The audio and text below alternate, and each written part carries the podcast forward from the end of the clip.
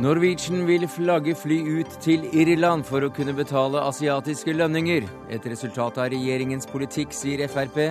Sosial dumping, svarer SV. Ofre bør slippe å forklare seg på nytt i ankesaker, mener Juristforeningen, som møter Advokatforeningen til debatt i Dagsnytt 18. Samer må ikke få lov til å skyte store rovdyr, hevder Apashe-indianer vil ta livet, livet av myten om at en dråpe urfolksblod automatisk fører til klokskap. Og Knut Arild Hareide er lei av å være tribunesliter, men vil han spille på et blå-blått lag?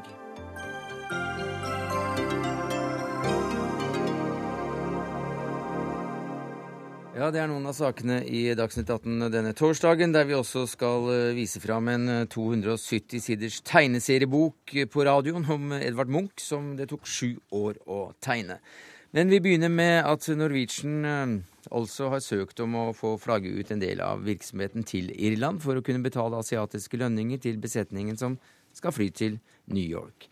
Det er Dagens Næringsliv som skriver dette i dag, og Vegard Einan, du er nestleder i fagforeningen Parat, og dere organiserer om lag 2000 Norwegian-ansatte. Og du sa i morges at dette var ytterst problematisk. Hva er det du frykter?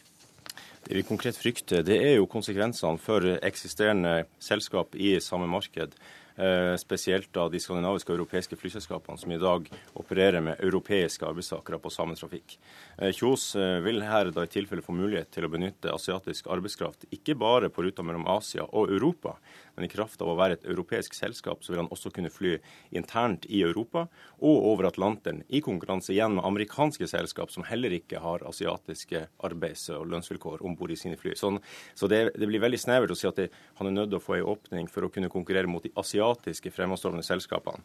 Eh, realiteten er at han vil kunne sparke beina under umiddelbart all europeisk langrutetrafikk og også den trafikken som går intraeuropeisk, pluss den transatlantiske. Så det er ganske dramatiske konsekvenser som, er, som er, kommer hvis han får muligheten. Så du ser dette ut fra et mye større perspektiv enn bare en norske besetningsmedlemmers lønninger? Det her er et perspektiv som er såpass stort at det faktisk på ICAO-konferansen nå i Montreal i mars ble løfta av amerikanske myndigheter. Hva sier du til uh, dette, Espen Andersen, førsteamanuensis ved Handelshøyskolen eh, BI? Altså, her er det jo ganske enorme konsekvenser. Ja, spørs om konsekvensene er så store på kort sikt. Men uh, dette er jo et uttrykk for en, en, flybransje hvor det nesten ikke er noe mer igjen å konkurrere på. Og hvor vi får en, en økende at, reisemønstrene endres, og vi får en teknologisk utvikling som gjør at flyene, altså billigmodellen, eh, til forskjell fra nettverksmodellen, kan brukes på mye lengre ruter. Eh, jeg vet ikke om Bjørn Kjos mener helt alvor med det han gjør her sånn, eh, men det er en det er et uttrykk for at eh, det blir svært vanskelig å opprettholde nasjonale skiller i en konkurranse som blir mer og mer internasjonal. Ja, La oss komme tilbake til det, men først eh, om også konsekvensene. Vi hører her at eh, Parat tegner et bilde av en fremtidig Kjos og Norwegian som da altså sparker beina under ganske mye av fundamentet for det som, som i dag ligger, ligger til grunn for den flyfarten vi har over Atlanteren? Jeg har vanskelig for å, for å, se det. Det kommer et press mot lønningene, men jeg har vanskelig for å se hvordan det skal kunne sparke uh, noe som helst fundament vekk. Uh, jeg, tror ikke, jeg tror ikke det er rent sånn praktisk mulig å drive og, og fly med asiatiske uh, flybesetninger. den veien. Det blir dyrt sånn rent, rent operativt. Så det vil ikke være praktisk? Nei, jeg, jeg, jeg, tviler på om det får så store konsekvenser som det her skisseres. Men det er klart, det vil utløse et veldig press på lønninger. Absolutt. Ja, altså Espen Andersen er, er jo utvilsomt helt sikkert flink på økonomisk teori, men, men uh, faktisk i forhold til luftfart så er det også sånn at Kjos skal kun ha fly uh, og mannskap i, i, Bangkok i Thailand på de her maskinene. De skal flys inn til Norge, inn til Europa, og all trafikken skal gå ut. Eh, vi har sågar fått høre rykter om at de skal være borte fra Thailand i 16 dager. Han skal kun ha ett sett besetning til kabinen, ett setning piloter. Han gir klart uttrykk for det er den eneste besetninga på de flyene. Men i kraft av å være et europeisk eh, lisensiert selskap, så kan han fly under Open Skies-avtalen over Atlanteren. Open Skies? Altså den avtalen mellom EU og USA som gir europeiske og amerikanske selskap omtrent fritt leide til å fly over Atlanteren mellom EU og USA Men der stopper det. Amerikanske selskap får ikke lov å fly internt i Europa. Og europeiske får tilsvarende ikke lov å fly internt i USA. Men som et norsk selskap eller europeisk så vil han nok kunne bruke asiatisk arbeidskraft, hente dem i Thailand, fly dem i konkurranse med thailandske selskap eller asiatiske til Europa, fly internt i Europa, og de kan ligge i Norge og akklimatiseres i forhold til tidssoner og fly over Atlanteren. Det er bare ett sett crew. Han skal ikke ha besetning i, i Asia, i Europa og i USA. Da, da, da har folk misforstått. Han skal kun ha ett sett besetning, og det er fra Thailand. Han skal hente dem inn og bruke dem over hele verden der han skal fly med Dreamliner. Og det konkurrerer mot amerikanske og europeiske selskap. Og SAS f.eks., som har flere tusen ansatte i Skandinavia, de får ikke lov å si opp de fast ansatte for å leie inn billig arbeidskraft. De er allerede i produksjon med fast ansatte i dag. Og i tilsvarende som Lufthansa, KLM, Air France, United og alle amerikanske selskap har fast ansatte. Mm. De vil jo aldri få lov å si opp sine ansatte for å leie inn billig asiatisk arbeidskraft. Så dermed så vil jo de være utkonkurrert umiddelbart hvis han får lov å etablere ny produksjon på et helt annet konkurransefundament. Akkurat uh, hva Kjos og Norwegian vil der, det får vi ikke vite i kveld, fordi vi, uh, vi, har dem ikke her. De har spurt om de kunne komme, Andersen. Men dette her høres ut som en fantastisk forretningsidé, hvis vi ser, ser bort fra de som rammes av det. Ja, det er om ikke noe annet kreativt. Eh, jeg, jeg kjenner ikke detaljene som, som, det, som, som, det, her refereres til, så jeg skal være litt forsiktig med å uttale meg altfor bastant. Men eh, det er et faktum at vi er nødt til å gjøre Altså, det, jeg, jeg, tror ikke markedet frem og tilbake over Atlanteren er, er, er det store her sånn. Det store som, kommer, er en, en svært stor trafikkøkning fra Asia. Og så skjer det at vi nå får Dreamliners, eh, og at billigselskapene er i en god finansiell situasjon, så de, de, har penger til å kjøpe inn disse flyene, og kan da etablere sine billigreiser på, på Asia. Og Kjos har helt rett i at den, den store mengden flyvinger som kommer med bl.a. kinesiske turister, den er det enten asiatene som tar, eller europeiske selskaper. Og skal de europeiske kunne konkurrere, så må de gjøre det på, på, på, løn, på betingelser som er noenlunde like.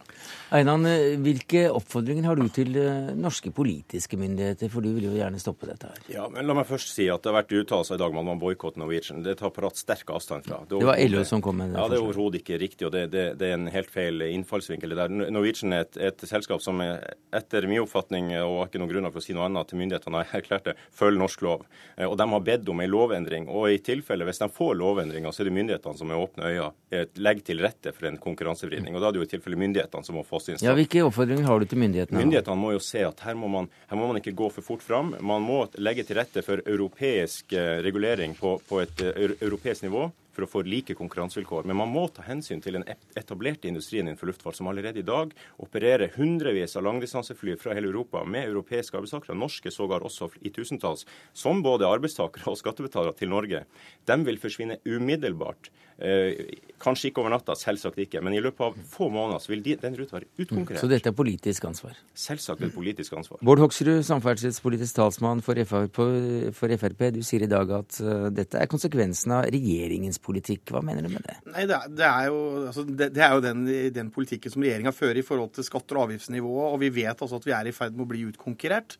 Eh, vi har hatt eh, annen type industri som vi har vært store på, f.eks. shipping var vi et av verdens største eh, på. Og de aller fleste har dessverre flagga ut fordi de har altså ikke for dårlige rammebetingelser i Norge. Dette er jo ikke noe som jeg ønsker, eller noen andre politikere ønsker at Norwegian er i ferd med å gjøre det de gjør. Men det er jo et alvorlig signal til oss som politikere når et selskap, og, og, og jeg er også litt sånn Er dette noe Norwegian faktisk vil gjøre, eller er det noe man nå eh, signaliserer for å komme i god dialog med myndighetene? Og jeg håper jo definitivt at at statsråden eh, i sammen med, med, fagforeningene og selskapet kommer i dialog og ser kan vi gjøre andre grep som gjør at rammebetingelsene for for norske selskaper. Og jeg, for jeg, Alle ønsker jo at Norwegian skal være et fullt norsk selskap uten at man skal i ferd med å gjøre det Bjørn Kjos er i ferd med å gjøre nå. Men, men, jeg skjønner jo at han som øverste eier for dette selskapet, eh, han tenker business, og han har ikke en stat eh, bak seg som kan stå og putte inn penger hvis man har behov for det, eller, eller garantere lån. Han må gjøre dette på rent forretningsmessige prinsipper og se hvordan med alle de han konkurrerer med i resten av verden. Og da tenker jeg hva kan vi være med å bidra med politisk for å hjelpe selskapet og, og hindre at de flytter til, til, Irland. For jeg tror ikke så veldig mange er glad i en del av det man nå har sett etter, etter Ryanair og de avsløringene som NRK hadde en periode her. Eh, Karin Andersen, du er fra SV og sitter i arbeids- og sosialkomiteen på, på Stortinget. og også da den Eh, den delen av komitésystemet som sysler med lover og regler. Og hva sier du da til at et selskap, et norsk selskap eh, mener det er veldig opportunt og ganske smart å flytte deler av virksomheten til Irland for å betale asiatiske lønninger? Nei, Jeg er ikke veldig overraska over det. Og eh, Kjos er jo en Han er jo lur i forretninger. Eh, så jeg skjønner hva han holder på med. Men ja, gjør du det? Vi, ja, jeg tror det. Eh, jeg skjønner begrunnelsen for det han gjør, men jeg er uenig i det. Og jeg mener at vi kan ikke la oss press, utpresse på den måten. Det skjer på skattesida, der eh, bedrifter truer med å flagge ut til eh, skatteparadiser. Det skjer på andre områder. Og det handler jo, altså når, når Hoksrud nå snakker om rammebetingelser, så handler det jo om lønninger. Det er jo det det handler om. At eh, folk skal ha skikkelig lønn for det de, den jobben de gjør. Og eh, da mener vi at det er feil å lempe på dette. Fordi det handler jo ikke bare om da eh, asiatiske lønninger. Det handler om at dette vil slå inn på lønninger eh, i hele luftfarten og i hele Norge. Og det vil gjøre, også sånn som representanten for Parat sier her, så vil det kunne slå ganske kraftig inn i hele bransjen hvis man tillater dette. Så jeg, så du frykter sosial dumping? Jeg frykter, frykter, det ikke. Jeg vet det er det det er. Det er jo det det handler om, å, å underbetale folk sånn at uh, billettprisen skal bli lav, og at den som mm. eier selskapet skal tjene mye penger. Men det som er viktig her òg, er at vi i Norge, vi bør sette foten ned for dette. Så er det jo ikke så enkelt, fordi at uh, luftfart er jo internasjonal. Uh, og det betyr jo at vi òg er nødt til å ha europeiske reguleringer på dette, og søke internasjonalt samarbeid. Eh, jeg veit at Norwegian er et seriøst selskap når det gjelder sikkerhet, men hvis vi tillater slike ting for ett selskap, så følger andre mm. etter. Og vi har sett også nå at det kan bli usikkerhet for å si sånn, hvem som er ansatt, hvem som er innleid, hvem har ansvaret for sikkerheten, hvordan er hele luftfarten. Og der veit jeg jo mm. at alle land er veldig opptatt av å holde også sikkerheten på et høyt nivå. Det, det er Hoksrud ber om ordet her. Du sitter på Hamar, så jeg har litt problemer med å avbryte deg på en høflig måte, Andersen. Ja, men altså, Karin Andersen sier at det kun handler om, handler om lønn, og det er eneste. Det er, men det handler faktisk om de avgiftene vi også påfører luftfarten. Og vi har påført luftfarten ganske ganske store avgifter. Det handler også om De har altså kjempestore, dyre flyinnkjøp som gjør at det koster mye penger. Det er stor kapital her. Og det er jo ikke sånn at Norwegian eh, vasser i penger et kjempeoverskudd. Det går, det går bra med Norwegian, men flybransjen sliter. SAS sliter kjempemye. Det er altså ikke store marginer eh, når man tenker på hvor store verdier og kapital man faktisk forvalter eh, hvert eneste år. Nei, Hoksrud, og gjennom de store kjøpene. Nei, men, du, du, sa i sted at, eh, at du ikke, ingen, ingen politi, norske politikere ønsker en utvikling der det flagges ut. Nei, så spørsmålet er hva skal du gjøre med det? Nei, og det er da jeg sier at La oss da gå gjennom, se på avgiftsnivået, se på strukturen vår, se hvilke tiltak vi kan gjøre overfor luftfarten vår for å bedre rammebetingelsene demses i forhold til de de konkurrerer med ute. Eh, og Det er ingen som ønsker å gi dårligere og, ha sosial dumping på, på, lønn og de tinga der. Selvfølgelig ikke. Mm. Vi ønsker at det skal være ryddige og ordentlig gode arbeidsforhold. Men problemet er at vi kan ikke, verken Karin Andersen eller jeg eller andre kan hindre hvis Norwegian først bestemmer seg for at de bare sier at ja, vi oppretter dette i utlandet mm. eh, hvis vi får disse, disse tillatelsene. Og det er en bekymring vi har. Fordi det vil Nett, gå utover norske, norske arbeidstakere. Nettopp. Men det er jo derfor det er viktig at vi uh, greier å sette foten ned noen ganger for sosial dumping. Jeg vet jo at Fremskrittspartiet ikke er spesielt opptatt av det. og syns at det er... Tull, Andersen, det Nei, men det, vet, det, vet, det vet vi jo, for vi vet jo at dere har stemt imot de viktigste tiltakene på det området. Men, og, og derfor så blir jo dette en utpressing, et slags sånn race mot bunnen på lønninger. For det er lønninger dette først og fremst går på. Og Vi kan la oss presse fra den ene eller fra den andre, men det som er viktig at vi opprettholder, er jo at det skal gå an å leve av jobben din når du har en, et, et arbeid. Og det er vi faktisk politisk nødt til å stå opp og holde opp som et viktig mål. Og ikke tillate at de aller rikeste skal presse oss både på skatter og på tillatelser, og på at de kan presse lønninger. For de vil aldri få nok. Så det er vi som politisk må stå opp for å bremse dette, og så må vi få internasjonale avtaler. du, kan ikke, du kan ikke lage et skremmebilde mot Bjørn Kjos og andre som tjener gode penger og er, er flinke i business. Altså, vi skal være kjempeglade for at vi har et næringsliv som, går, som går bra. og- realitet. Og, og, er vi, vi lever faktisk Dette er en global eh, konkurranse hvor det er flyselskaper over hele verden som også Norwegian og SAS må forholde seg til. og De kommer hit, og de flyr hit, og de flyr med de lønningene de gjør. og Da bør vi heller se hvordan skal vi sørge for at vi fortsatt har sterke, gode selskaper i Norge innenfor luftfarten og ansatte som er norske. Andersen, eh, du sa i sted noe om at eh, Kjos kanskje ikke mente helt alvorlig å flagge ut på denne måten, men at han posisjonerer seg for å komme i en forhandlingssituasjon med myndighetene. Hva slags forhandlinger kan det være snakk om? Hva slags rammebetingelser er det man ønsker å endre? Ja, først og fremst noe om eh, bruken av eh, asiatisk personale på de, eh, de asiatiske linjene. SAS flyr Som myndighetene i Norge sa nei til for en tid tilbake. Ja, eksempel. Eh, SAS flyr med 20% samme betingelser, men med lavere lønninger. Man kan tenke seg at man ønsker å få til en bedre løsning enn det.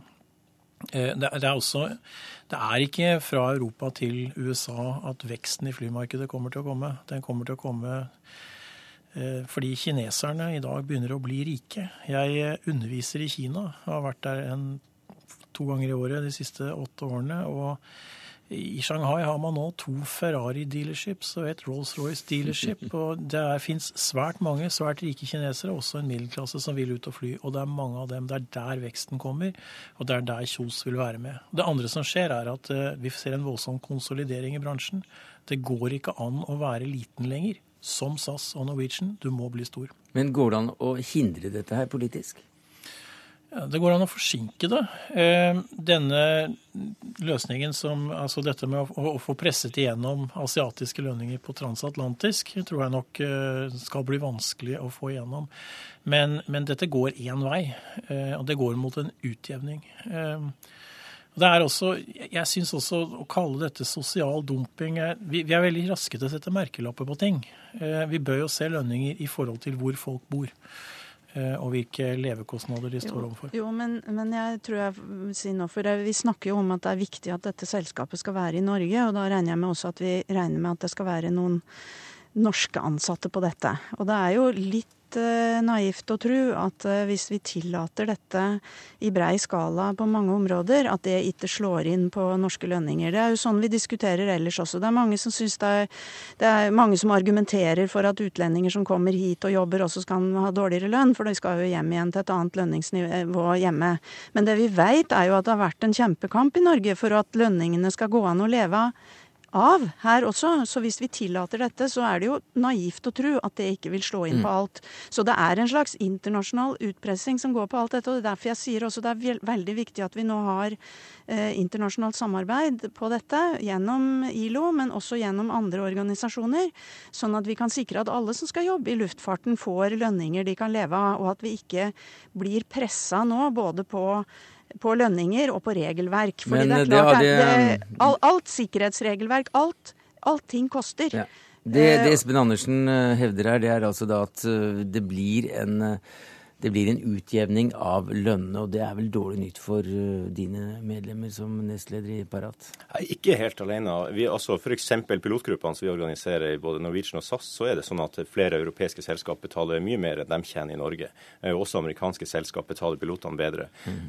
I forhold til kabinpersonalet så er det også sånn at det finnes land som f.eks. Storbritannia, hvor kabinansatte har ei større startlønn enn det man har i Norge.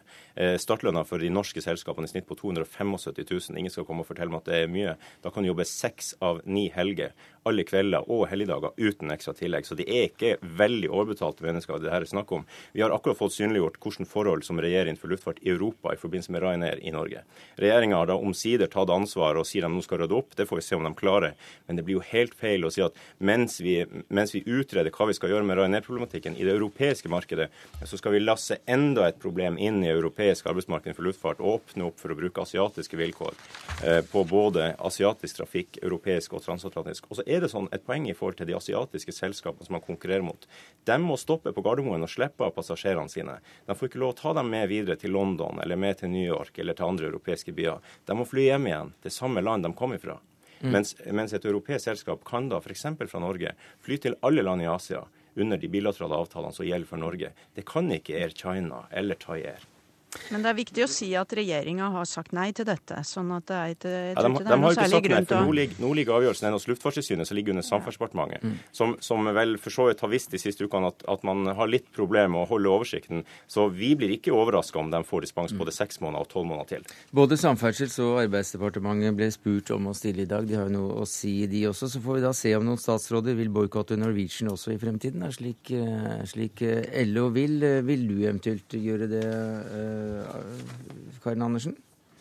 Nei, altså jeg syns ikke det er noe godt virkemiddel. Jeg synes det får vi, Slike virkemidler får vi spare av til de som jeg oppfatter eh, er eh, ordentlig seriøse, useriøse, slik som f.eks. Rainer. Eh, og så håper jeg at vi finner en løsning her, og at vi eh, setter noen grenser for hva vi lar oss presse til. Fordi det er noen etiske grenser for dette, og vi skal ivareta noen politiske hensyn som er viktig. Og det har vi snakket om i dag, takket være deg, Karin Andersen, stortingsrepresentant, Bård Hoksrud, stortingsrepresentant, Vegard Eina, nestleder i YS, eh, organisasjonen Parat, og Espen Andersen, førsteamanuensis ved Hanseskolen B. Takk skal dere ha. Hør Dagsnytt 18 når du vil, på nettradio eller som podkast. nrk.no – dagsnytt 18.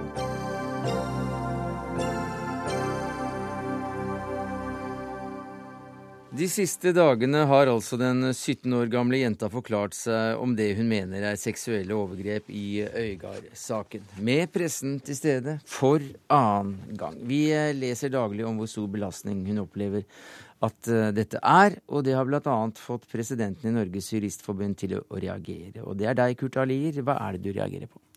Nå er det ikke denne spesielle saken som vi har kommentert, men det vi har sagt er at det er uheldig en del saker at det skal være nødvendig å forklare seg flere ganger gjennom rettsprosessen. Hvorfor det? Jo, det er fordi at man forklarer seg dårligere og dårligere for hver gang. Masse forskning viser at jo nærmere hendelsen du forklarer deg, jo bedre er du til å forklare deg, riktigere blir det. Eh, Så det er lite som tilsier at man ikke skulle kunne endre på det, under forutsetning at vitneforklaring kan, kan sikres med bilde og lyd. Ja, så det dere foreslår, det er Ja, vi foreslår at man nå skal starte å ta bilde og lyd i alle rettssaker, altså alle, alle, også alle strafferettssaker. Og at man da kan bruke det, legge det til grunn når man skal gå i, app i appellretten senere. Altså når man skal gå i neste runde i lagmannsretten. Altså at man går fra en full ny prøving gang to til bare en overprøving av hva som skjedde i tingretten. Så det vil si at uh, hvis det hadde vært øh, slik i dag, og i denne Øygarden-saken, som den kalles, så ville jenta ha sluppet å svare på en god del, i hvert fall, av disse spørsmålene. Ja, alle sakens aktører kunne sluppet det. Da kunne man kun ha tatt opp igjen forklaringen på de områder hvor ting var uklart eller var nye bevis, men ellers ville man legge forklaringene til grunn som kom for tingretten, og som altså ifølge forskningen antageligvis er bedre enn det som kom fram i lagmannsretten. Så forskningen sier altså rett og slett at øh, forklaring nummer to ikke er så god. Forskning er veldig tydelig på det, at jo nærmere hendelsen du er, jo bedre er den. Og det har også Høyesterett lagt til grunn. De har sagt at tidsnære forklaringer er best. Hva sier dere til det i Advokatforeningen, generalsekretær Merete Smith? Vi er enig i at det kan være en god idé å ta opp eh, forklaringene i tingretten på video eller på lyd og bilde. Eh, Og det kan godt tenkes at det også er en god idé å avspille noe av forklaringen i lagmannsretten. Eh, Men det vi er opptatt av, er at hvis vi skal få et system med dette her, så er det visse helt grunnleggende ting som må eh, være til stede. Og det er at man, for, at man må forklare altså, Eller vitnet må møte i lagmannsretten hvis det er noen ytterligere spørsmål.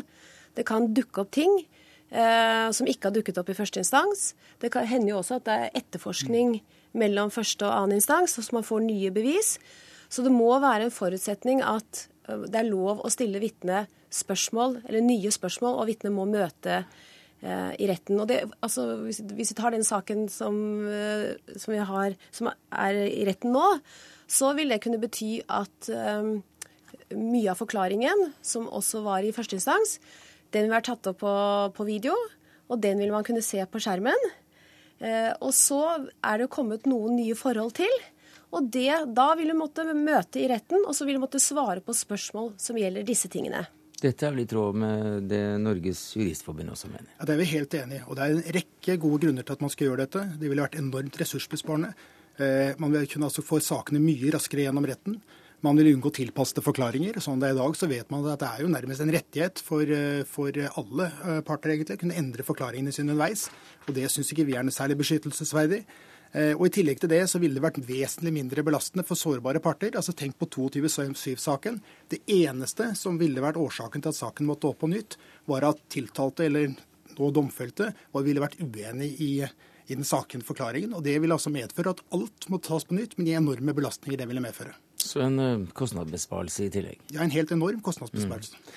Men samtidig så er det jo i, i, slike vanskelige saker som det vi eh, opplever på Lillehammer nå, at, uh, at det er helt sentralt for bevisførselen at, uh, at det blir forklaringer.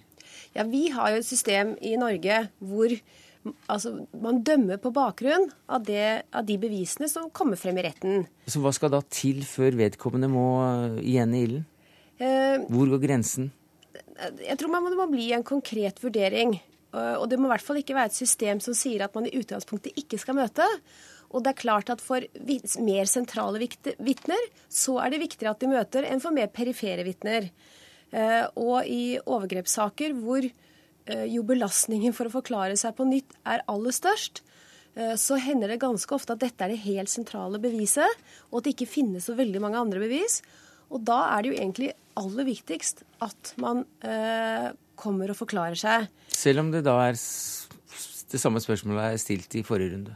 Ja, Kanskje kan det være slik at en del av den forklaringen som alle er, som, uh, hvor det ikke vil være noe eller akkurat det samme som blir sagt, at en del av forklaringen kan, tas, eller kan man da spille av på nytt. Uh, og da blir belastningen mindre. Uh, men så er det kanskje en del ting, nye forhold som er dukket opp. Det er, kanskje noen helt sentrale ting som man er nødt til å bore litt mer i. Og så er det akkurat dette temaet man da konsentrerer seg om, og så vil det andre bli, bli vist fram på, på en skjerm. Så det er en mulig løsning. Det vil også spare tid, og det vil også spare fornærmede for belastning. Men man må huske på at altså her er det fokusert på uh, fornærmedes belastning ved å stå og forklare seg om disse, om disse tingene, som vi alle skjønner at det er veldig, veldig tungt. Samtidig så er det klart at det er det er veldig viktig at ikke noen uskyldig blir dømt. Og det er en, sant, det er en stor belastning å bli dømt for et alvorlig eh, straffbar handling. Og rettssikkerhet er helt grunnleggende i vårt system. Og, er, og vi har et system der eh, man baserer avgjørelsen på det som fremkommer i retten. Og da kan man ikke ta Eh, altså det, jeg tror ingen av oss ønsker et system hvor eh, en rettssak blir et opplegg hvor man sitter og ser på en TV-skjerm hele saken igjennom.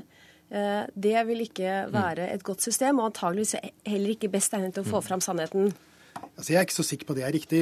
For det er nettopp Rettssikkerhet dreier seg om at man får den beste og riktigste dommen. Og Det tror jeg man ofte vil kunne få hvis man gjør det på denne måten. Og Jeg er ikke engang så sikker på at det alltid må være slik at da sentrale vitner eller fornærmede må være til stede. Jeg mener Det vil være en konkret vurdering som man vil gjøre i forkant av saken, på hvilke områder det eventuelt er nødvendig å få nye opplysninger. Dette gjør man jo i Sverige. Eh, har jeg begynt med det systemet nå. Det er ikke engang slik at alltid aktor og forsvarer er til stede i deler av saken, og de sier at det fungerer helt utmerket. Man har akkurat hatt en evaluering av det systemet og sier det er veldig vellykket. Mm.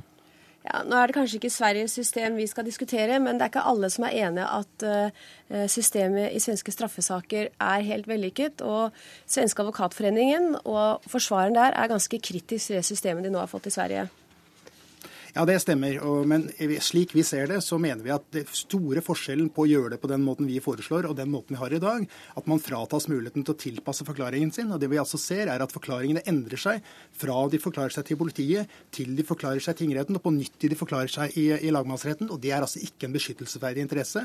Man skal ha den riktigste avgjørelsen, og det er ikke noe beskyttelsesverdig i det at man skal få lov å tilpasse eller endre forklaringen sin etter hva man har hørt de andre sier.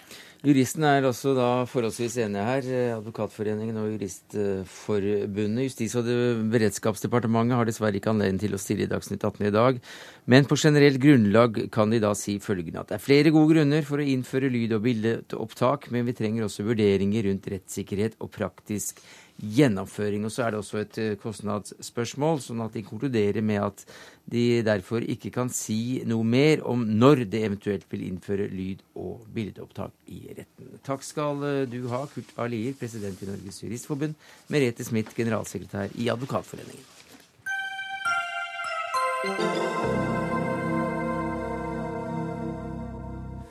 Norsk rovdyrforvaltning er til å gremmes over. Det skriver du i et debattinnlegg i Aftenposten i dag, Aida Dine.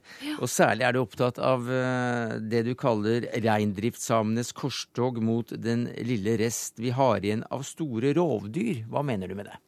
Eh, det jeg mener, det er at uh, nå driver samer, reindriftssamer en massiv press for å få fjerna rovdyr, for å få drevet sin reindriftsnæring.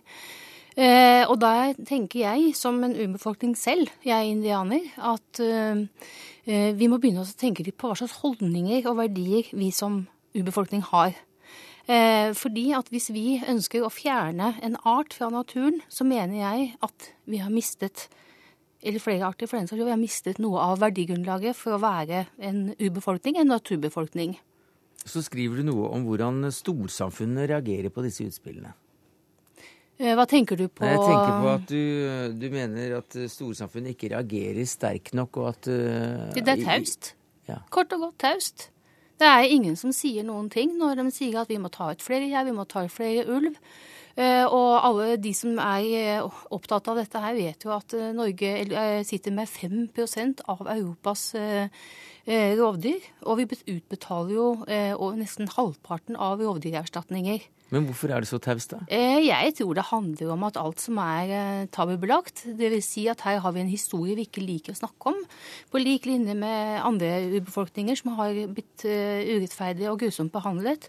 Og dermed så tør vi ikke å liksom, ta i det, for da er det rasisme og undertrykkelse, og da er det full pakke med en gang. Mm, for du skriver at storsamfunnet øh, lever i den villfar villfarelse at alle som har en dråpe urfolkblod i årene, automatisk blir kloke. Ja, altså det er vel kanskje noe med at man tror fortsatt at man har naturfolks holdninger. At eh, dette her er det vi er opptatt av alle sammen. Men vi ser jo det at uh, det er jo egeninteresse som uh, stikker seg mer og mer fram her. Man er ikke opptatt av uh, si, det, den identiteten det er kanskje å kalle seg en same eller indianer, og hva som ligger til grunn der. At, ja, Nei, for Du skriver da at det er lov å bruke hodet selv om det er en same, en indianer eller en maori som har talt, og du er da selv apasje. Ja, og den som vil bruke huet, det er altså storsamfunnet. Ja, så det er lov å stille oss kritiske spørsmål. Mm. Eh, Ol Johan Gaup, du er landsstyremedlem i eh, Norske Samers Riksforbund, og du er selv reineier. Hva sier du til det Diné sier her? Det er en veldig sterk påstand. Eh etter, ettersom jeg ser at eh, samer ønsker å utrydde eh, de store rovdyr fra, fra reindriftsområder, eller at reindrifta ønsker å utrydde. Eh, ja, historisk sett har reindrifta alltid levd ved side med rovdyr. og, og mennesket har spilt den rollen i naturen sammen med rein, reinsdyra, at de beskytter rein mot ytre farer.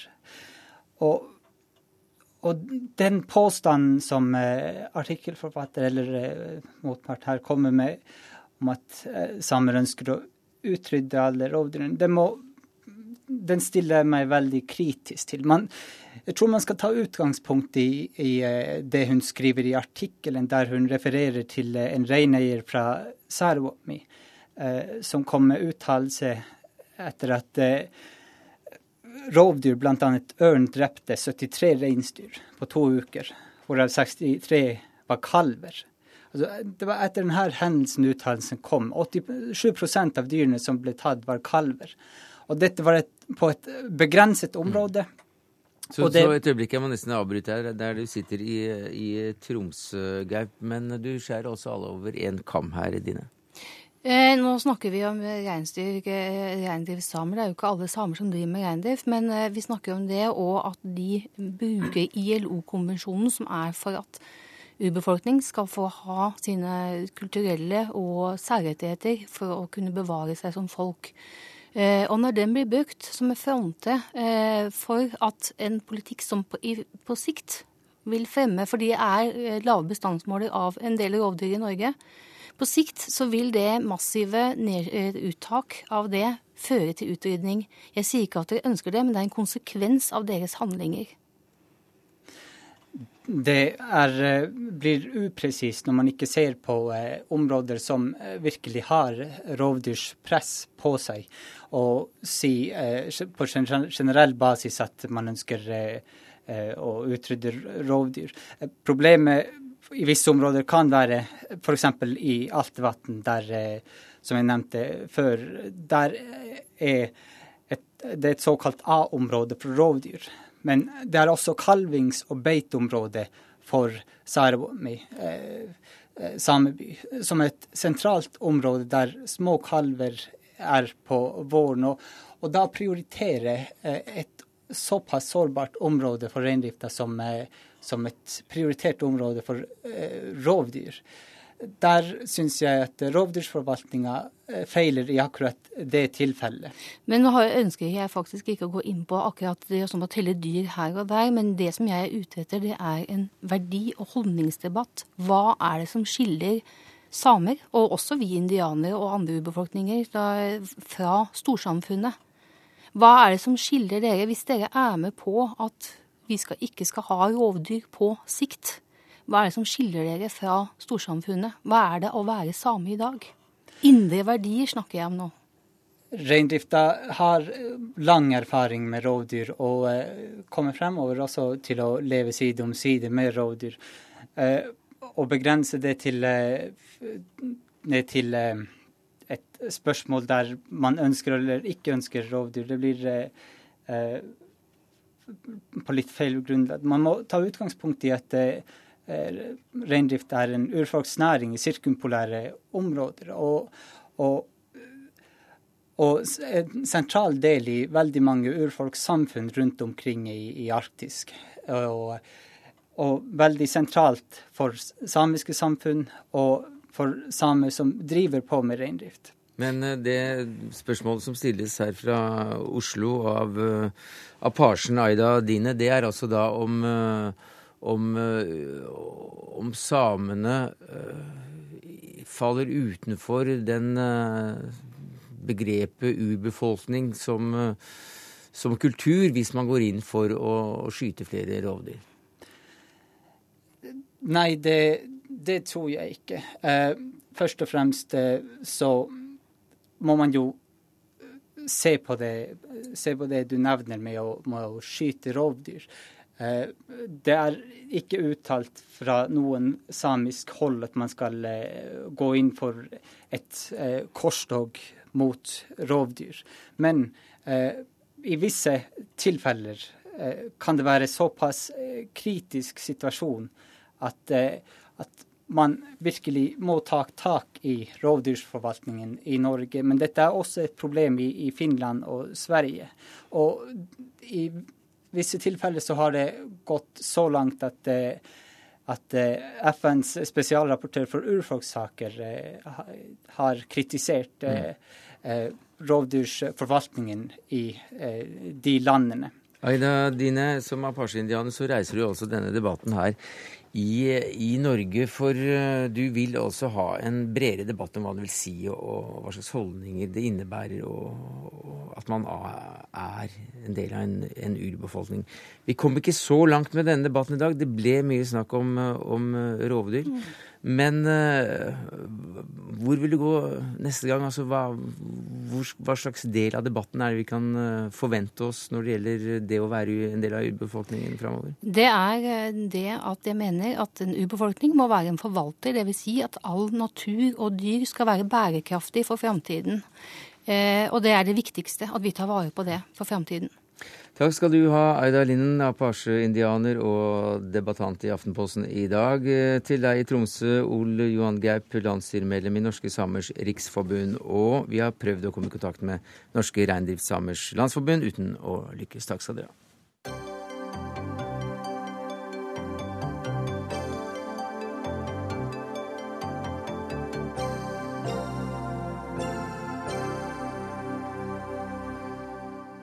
Ja, I dag åpnet KrF sitt landsmøte i Trondheim. Den største spenningen er fremdeles knyttet til om partiet skal sitte i regjering med Frp.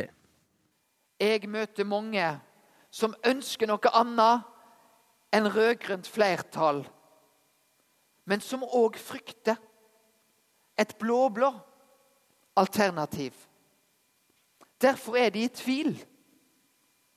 Og jeg forstår de godt. Ja, du forstår dem godt, Knut Arild eh, Hareide. Dette er fra talen du holdt tidligere i dag på landsmøtet som partileder. Du skjønner dem, men eh, hva fører denne innsikten eh, til? Ja, Det fører til at jeg gir dem et tydelig råd om at det er KrF som er deres alternativ. Ønsker du et regjeringsskifte? Det tror jeg det er veldig mange i Norge som er både klar og moden for. Men de ønsker samtidig ikke at den rød-grønne flertallsregjeringa skal bli erstatta av ei blå-blå flertallsregjering. Det blir jo ikke helt blå-blå hvis det er blått-blått og, og, litt gult med KrF, da? Nei, det vil bli betydelig annerledes eh, om eh, KrF er med i regjering. Så dere kan bli eh, med uten Venstre, er det det du sier? Jeg tror nok at eh, for KrF så er det viktig at Venstre blir med. Vi har det å ha en tyngde i sentrum for en ny regjering er særdeles viktig. Men kan du tenke deg å gå inn i regjering uten Venstre i det hele tatt? Jeg ser nesten på det som uh, utenkelig at vi kommer til å gjøre det. Nesten? Uh, ja, fordi at det er klart at vi kan ikke fullt og helt legge vår regjeringsstrategi og være avhengig av andre partier og hvordan de lykkes. Vi må stå på egne bein. Men den regjeringsstrategien som vi legger, så er det ikke tvil om at sentrum og tyngdepunktet tyngdepunkt i sentrum, det er helt avgjørende for eh, KrF. Nei, for Vi er ikke tilfreds med å sitte på tribuneplass i fire nye år, sa du også i talen din uh, i dag. Men det å være et konstruktivt støtteparti, er det å regne som rent tribunesliting, da?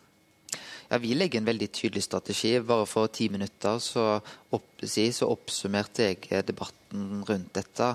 Og det Vi sier, vi, vi ønsker selvfølgelig å bidra til et regjeringsskifte ved valget i september. Og da ønsker vi en ny regjering. Vi mener at Blir det et nytt flertall, så bør de ikke-sosialistiske partiene alle sammen sette seg ned for å sikre en ny regjering. Men hvem som sitter i regjering, det, det kan være så ymse. Dere vil være konstruktivt støtteparti eh, hvis det blir borgerlig flertall? For KrF så er det ikke tvil om at vår plan er at vi vil inn i regjering. Vi har erfaring fra regjering. Vi har lykkes med å få betydelig politisk gjennomslag. Våre største seire, eh, om det er psykiatrisatsing, eh, om det er kontantstøtte, eh, valgfrihet for, for, familiene, de har vi fått nettopp mm. når vi har sittet i regjering. Og der endelig så fikk du snakket litt om sakene dine. Begynner du å bli lei av spørsmål fra oss journalister om akkurat hva slags regjering vi skal ha etter valget? Nei, jeg forstår det. Jeg ser at KrF etter all sannsynlighet vil spille en nøkkelrolle etter valget. Og da må vi forvente at eh, det er bestilt eh, spørsmål rundt eh, hvilke strategiske valg vi gjør. Men det jeg er glad for, er at vi nå har landa en langt tydeligere strategi foran dette valget enn vi hadde sist. Det er ikke tvil om at vi vil bidra til at vi får en ny regjering. Men 20 og 30, at... er du også glad for at 20 og 30 av sentrale tillitsvalgte i KrF eh, sier nei til å gå i regjering med Frp? Ja, jeg har òg sagt at det er veldig lite sannsynlig. Eh, det er jo fordi at det er politikken som avgjør dette. Det er politisk gjennomslag som er helt avgjørende for KrF. Og Da er det ikke tvil om at eh, vi vet at Høyre, Venstre og KrF står hverandre nærmere. og Derfor sier vi at det er lite sannsynlig med en firparti regjering. Mm. Det sa landsstyret, eh, og det har vi gjentatt i dag. Men da er det avhengig av et eh, veldig stort Høyre. Og store partier de spiser jo slike småpartier som du er leder for til frokost i, når det gjelder regjeringssamarbeider i. Jeg tror nok det er helt avgjørende at Høyre lærer av det vi har sett nå under den rød-grønne regjeringa. Der et veldig stort Arbeiderpartiet har gitt veldig lite til eh, SV og Senterpartiet. Skal du få til et godt regjeringssamarbeid over tid, så er det helt nødvendig at de litt mindre partiene får større gjennomslag enn det vi har sett under den rød-grønne regjeringa. Men så er det òg slik at eh, det Høyre vi ser i dag, er òg et Høyre som på flere områder har nærma seg KrF. Vi ser det på arbeidslivspolitikken. Vi ser det i skattepolitikken. Eh, på det området jeg styrer, samferdselspolitikken, så er det betydelig nært slektskap mellom politikken til, til eh, KrF og Høyre. Men òg i viktige verdisaker, eh, som f.eks. kampen mot sorteringssamfunnet, så er Høyre en av de beste vi har på Stortinget i dag. Det blir en litt Donald Duck-stemme på deg fra fra Det har jeg jo fått her. kritikk for før, men denne gangen tror jeg ikke det er min skyld. Nei, det er ikke din feil. Det er NRKs uh, utstyr, er jeg redd. Men uh, nå hører jeg deg godt igjen, så, så, vi fortsetter et minutt til hvis du har tid på landsmøtet ditt, uh, ja, Knut Arild Hareide. Fordi vi, vi lurer jo på denne historien du fortalte i, i talen din om at du, du drakk som en svamp sammen med dronningen. Hva var det for noe? Ja, nei, jeg, Det var jo et stort oppslag i dagens Verdens Gang om hvilken servering det blir av alkohol på landsmøtet. Ja. Og da er det sånn at journalistene de skal få seg et glass vin, mens vi KrF-ere vi skal greie oss uten. Men vi har jo en bekjennelsesparagraf, så jeg fortalte helt kort at når jeg var på Sydpolen som miljøvernminister, så hadde altså da dronninga dratt med seg vin helt fra Oslo til Sydpolen. Og da syntes jeg det ble litt for uhøflig å takke nei. Og så jeg ba om en liten tilgivelse på det. Og da jeg fortalte dette òg til Lars Bonheim en gang i tida. Og da sa han at det vil nok gå greit med deg hvis du kun drikker hver gang du er på Sydpolen. Ja, eller hvis man drikker hver gang man er inne med et pol, vil kanskje noen si. men, ja, men, men jeg, tror, jeg, tror, det viser jo òg den eksempelvis Vinmonopolet, da. Mm. Det har jo vært mange diskusjoner hva som er viktig. Jeg tror jo politisk gjennomslag for KrF er det som avgjør. Og f.eks. det å røre Vinmonopolet, mm. det vil aldri være aktuelt for KrF de neste åra. Du brukte en god del tid til å fortelle at du syns egentlig Arbeiderpartiet eller de rød-grønne hadde styrt veldig At politikken var veldig spennende, i motsetning til hva Jens Stoltenberg sa i sin landsmøtetale. Og nevnte opp en hel del eksempler som kanskje var med i det mest spennende laget. Men hvordan vil du i et valgår fortelle dine delegater, fotsoldater, om at det å være KrF-mann og dame, det er jaggu det er spennende. Hva er det viktigste du skal si nå framover for å oppildne møtet? Jeg tror at det aller viktigste for KrF Ja, Norge er et godt land å bo i. Men da er det ekstra viktig at vi trår til i de fasene der livet er sårbart. I begynnelsen av livet, slutten av livet, når en er sjuk, funksjonshemma. Det at vi stiller opp for de fattige i Norge. KrF skal være det partiet som virkelig løfter de som trenger det aller mest. Og sjøl i et Norge der de aller aller fleste har det veldig godt, så trenger vi et politisk parti som løfter noen av de som trenger det aller mest. Og det opplever jeg at det var et meget tydelig landsmøte som slutter seg bak i dag. Takk skal du ha, Knut Arild Hareide, partileder i KrF. Åshild Mathisen, du er utviklingsredaktør i avisen Vårt Land. Var det en god tale? Det var en tale som Dagfinn Høybråten like gjerne kunne holdt. Aha. Den var veldig mye mindre ideologisk og nyskapende enn jeg hadde forventa. Den gir litt til alle, og spesielt litt til de liberale og litt til grunnfjellet. Han hadde jo et et ordtak som han gjentok fire eller fem ganger, at vi skal se på stjernen, ikke lyset på båtene som går forbi. Mm. Og stjernen er menneskeverdet og ja, skaperverket, holdt jeg på å si. Og, da, og det, dette er jo et sånn type språk som, som appellerer til grunnfjellet. Altså Det han egentlig sier når vi, skal, altså vi styrer etter stjernen, er jo at eh, KrF står på grunnverdiene sine. Eh, og det som jeg syns er interessant, er at eh, når da KrF nå er i ferd med å be, for, altså fjerne bekjennelsesplikta, eh, så eh, de som har ivra for det, har jo ment at da må KrF utvikle en helt tydelig ideologi for å ha et fundament. Eh, og det har ikke Knut Arild Hareide gjort. Men i stedet så på en måte virker det som han kompenserer ved å på en måte bruke et sånt språk som skal eh, roe ned de som kanskje mm. er urolig. Eh, så, så det, er, altså det er en tale som har veldig lite personlighet. Eh, og det tror jeg handler litt om at eh, KrF har ikke tatt det store oppgjøret ideologisk, men man har valgt en leder som er en utrolig dyktig balansekunstner, og som også bruker humor og er ekstremt avvæpnende, sånn at han mm. på en måte eh, Alle er fornøyd, og KrF hyller jo eh, Knut Arild Hareide. De er jo eh, fantastisk eh, Mm. fornøyd med han, så jeg tror absolutt ikke at det har lagt noe demper at han har nærmest avskrevet sin egen statsrådspost. Nei, hvordan var stemningen i leiren, Trine Eilertsen, politisk kommentator i NRK? Du er oppe på landsmøtet.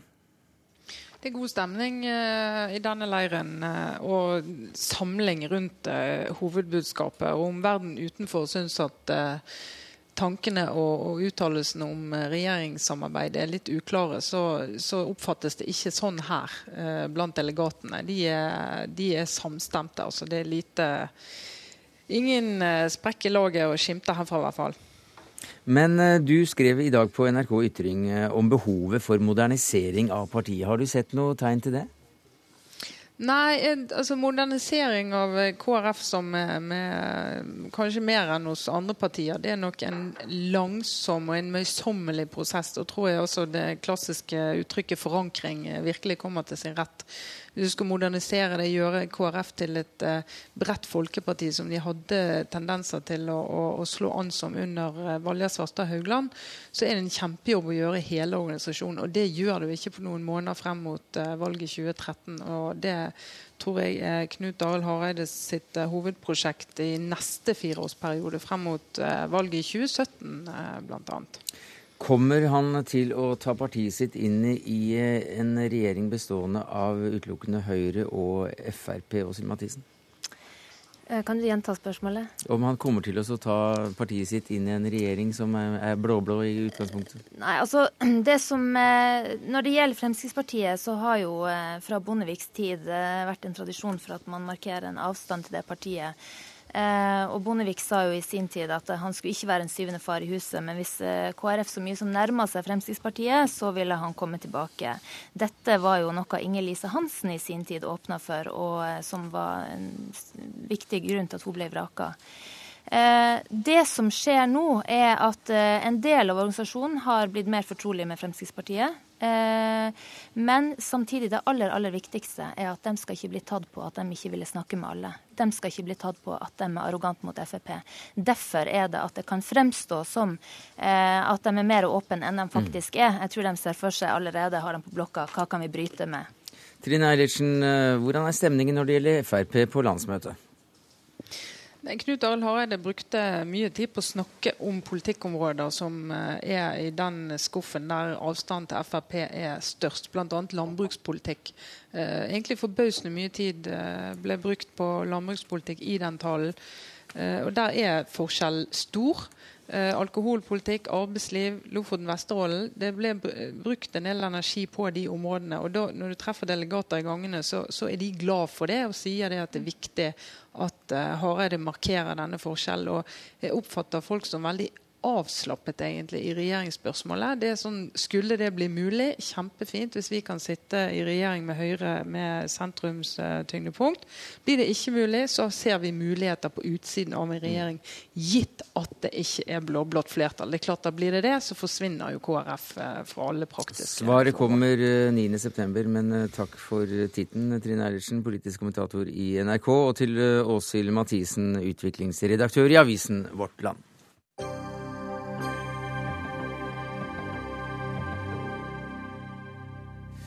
Steffen eh, Kverneland, tegner, kunstner, eh, bejublet eh, tegneserieskaper per excellence. Når ble du opptatt av Edvard Munch første gang? Jeg begynte da jeg var dretunge, som det heter på haugesundsk. Altså da jeg var, var veldig liten. Okay. Så, så, så var jeg veldig opptatt av kunst. Det var sikkert fordi jeg fikk høre at jeg var god til å tegne i klassen. Og sånt, og så, og så var jeg ble interessert i tegning, og så ville jeg vite hvem som var best, og det var Edvard Munch. Og så, så ble jeg veldig opptatt av han. Ja, og dette har da resultert i en 270 siders eh, Ja, vil du kalle det en tegneserie eller en serie tegninger? Det er en tegneserie. Det er en tegneserie. Ja da. Um, om Edvard Munch. Eh, Fort gjort? Ja, det tok bare 20 år, så det var, jeg var så vidt kommet i gang før jeg var ferdig. ja. Hva er det du vil med, med, disse tegnene, med denne tegneserien? Uh, jeg, jeg ville egentlig gi en slags eh, Altså, Jeg vil bringe mer nyanser inn i myten om Munch. Og, og det skal da være faktabasert. For, for det er altså, Munch-forskere og, og kunsthistorikere de har visst det lenge og, og fortalt lenge altså at, at eh, bildet om Munch er veldig sammensatt. Det var ikke bare kålsvart eh, elendighet, eh, angst og, og forfølgelse og alkoholisme og galskap. Nei, som, som mytene ofte legger opp til. Nei, for, for her sånn I boka di så er det jo eh, til dels humoristen Edvard Munch vi møter. Ja, det var jo en sånn en ukjent side som dukka opp når jeg begynte å dukke litt ned i kildematerialet. Og det var jo til min store glede, da, for det, jeg var jo forberedt på det verste. Og så når jeg så at det var mye mer nyansert, så ble det mye mer interessant å jobbe med henne. For da ble han et tredimensjonalt menneske istedenfor en, en sånn flat, helsvart figur som, som ikke var noe særlig troverdig. Altså, han, han var ikke så veldig levende i den myten, syns jeg. og det, den myten ligner jo veldig på den samme myten som de, de skviser van Gogh og Mm. Eh, ja, de fleste kjente kunstnere kunstnere i. Men du, er det så rart? Altså Skrik, sjalusi, dødsdans, ved skjelettet, Det syke barn, vampyr. Han la litt opp til det sjøl. Ja, han, han, eh, han gjorde det, men, eh, men samtidig så er det et, eh, Hvis du går til kilden og så ser på de private brevene og sånt, og hva, hva han sendte til venner og familie, så, så er det mye mer lys i det. Så, så han, hadde, han var veldig bevisst merkevarebygger. Du- Merkevaren Edvard Munch var, var han veldig ivrig på. Ja, da, da var vel også Edvard eh, Noe av merkevaren var at han drakk. Ja, det var jo det. ja. Men han drakk jo òg. Han drakk, ja. Ja. Han, Så- han roa seg på sine gamle dager, men, men da hadde han nesten drukket seg i hjel. Altså, han drakk seg inn i psykosen, faktisk, i, i, i midt i livet. Ja, for en rask eh, blading i boka så viser det at eh, nesten halvparten av sidene altså er det et glass forbundet med, med Edvard, Edvard Munch. Og, og Har du fått i oppdrag fra KrF å telle, eller? Du, jeg har i hvert fall eh, fått med meg sitatet som du bruker, eh, der han selv skal ha sagt eller skrevet at Paris husker jeg ikke noe av. Jeg husker vi tok noen drammer før frokost for å bli edru, og senere drakk vi for å bli fulle. Ja, det måtte jo tegnes. Jeg kunne jo ikke la den eh, stå eh, uillustrert. Den, eh, jeg Men han har sagt, gøy, selv sagt det. Nei, det er, det er referert av Rolf Stenersen. Mm. Og han skriver veldig morsomt og veldig saftig, men han er ikke 100 pålitelig. Men, men jeg syns han skriver så godt at jeg tar det med. Og så er det jo autentiske sitater av Stenersen. Det er jo da en, eh, en, eh, en fest av en bok for de som er, eh, er glad i tegninger, og av de spesielle, den spesielle måten å tegne på som du er blitt kjent for helt siden du eh, begynte å tegne etter Øvre Richter Fritz sin eh, Ja, den Jonas Fjell, den, den blonde kjente. Ja. Kjempe. I, I 1993. Men også, hvordan nærmer du deg dette stoffet som, som tegner, som serietegner?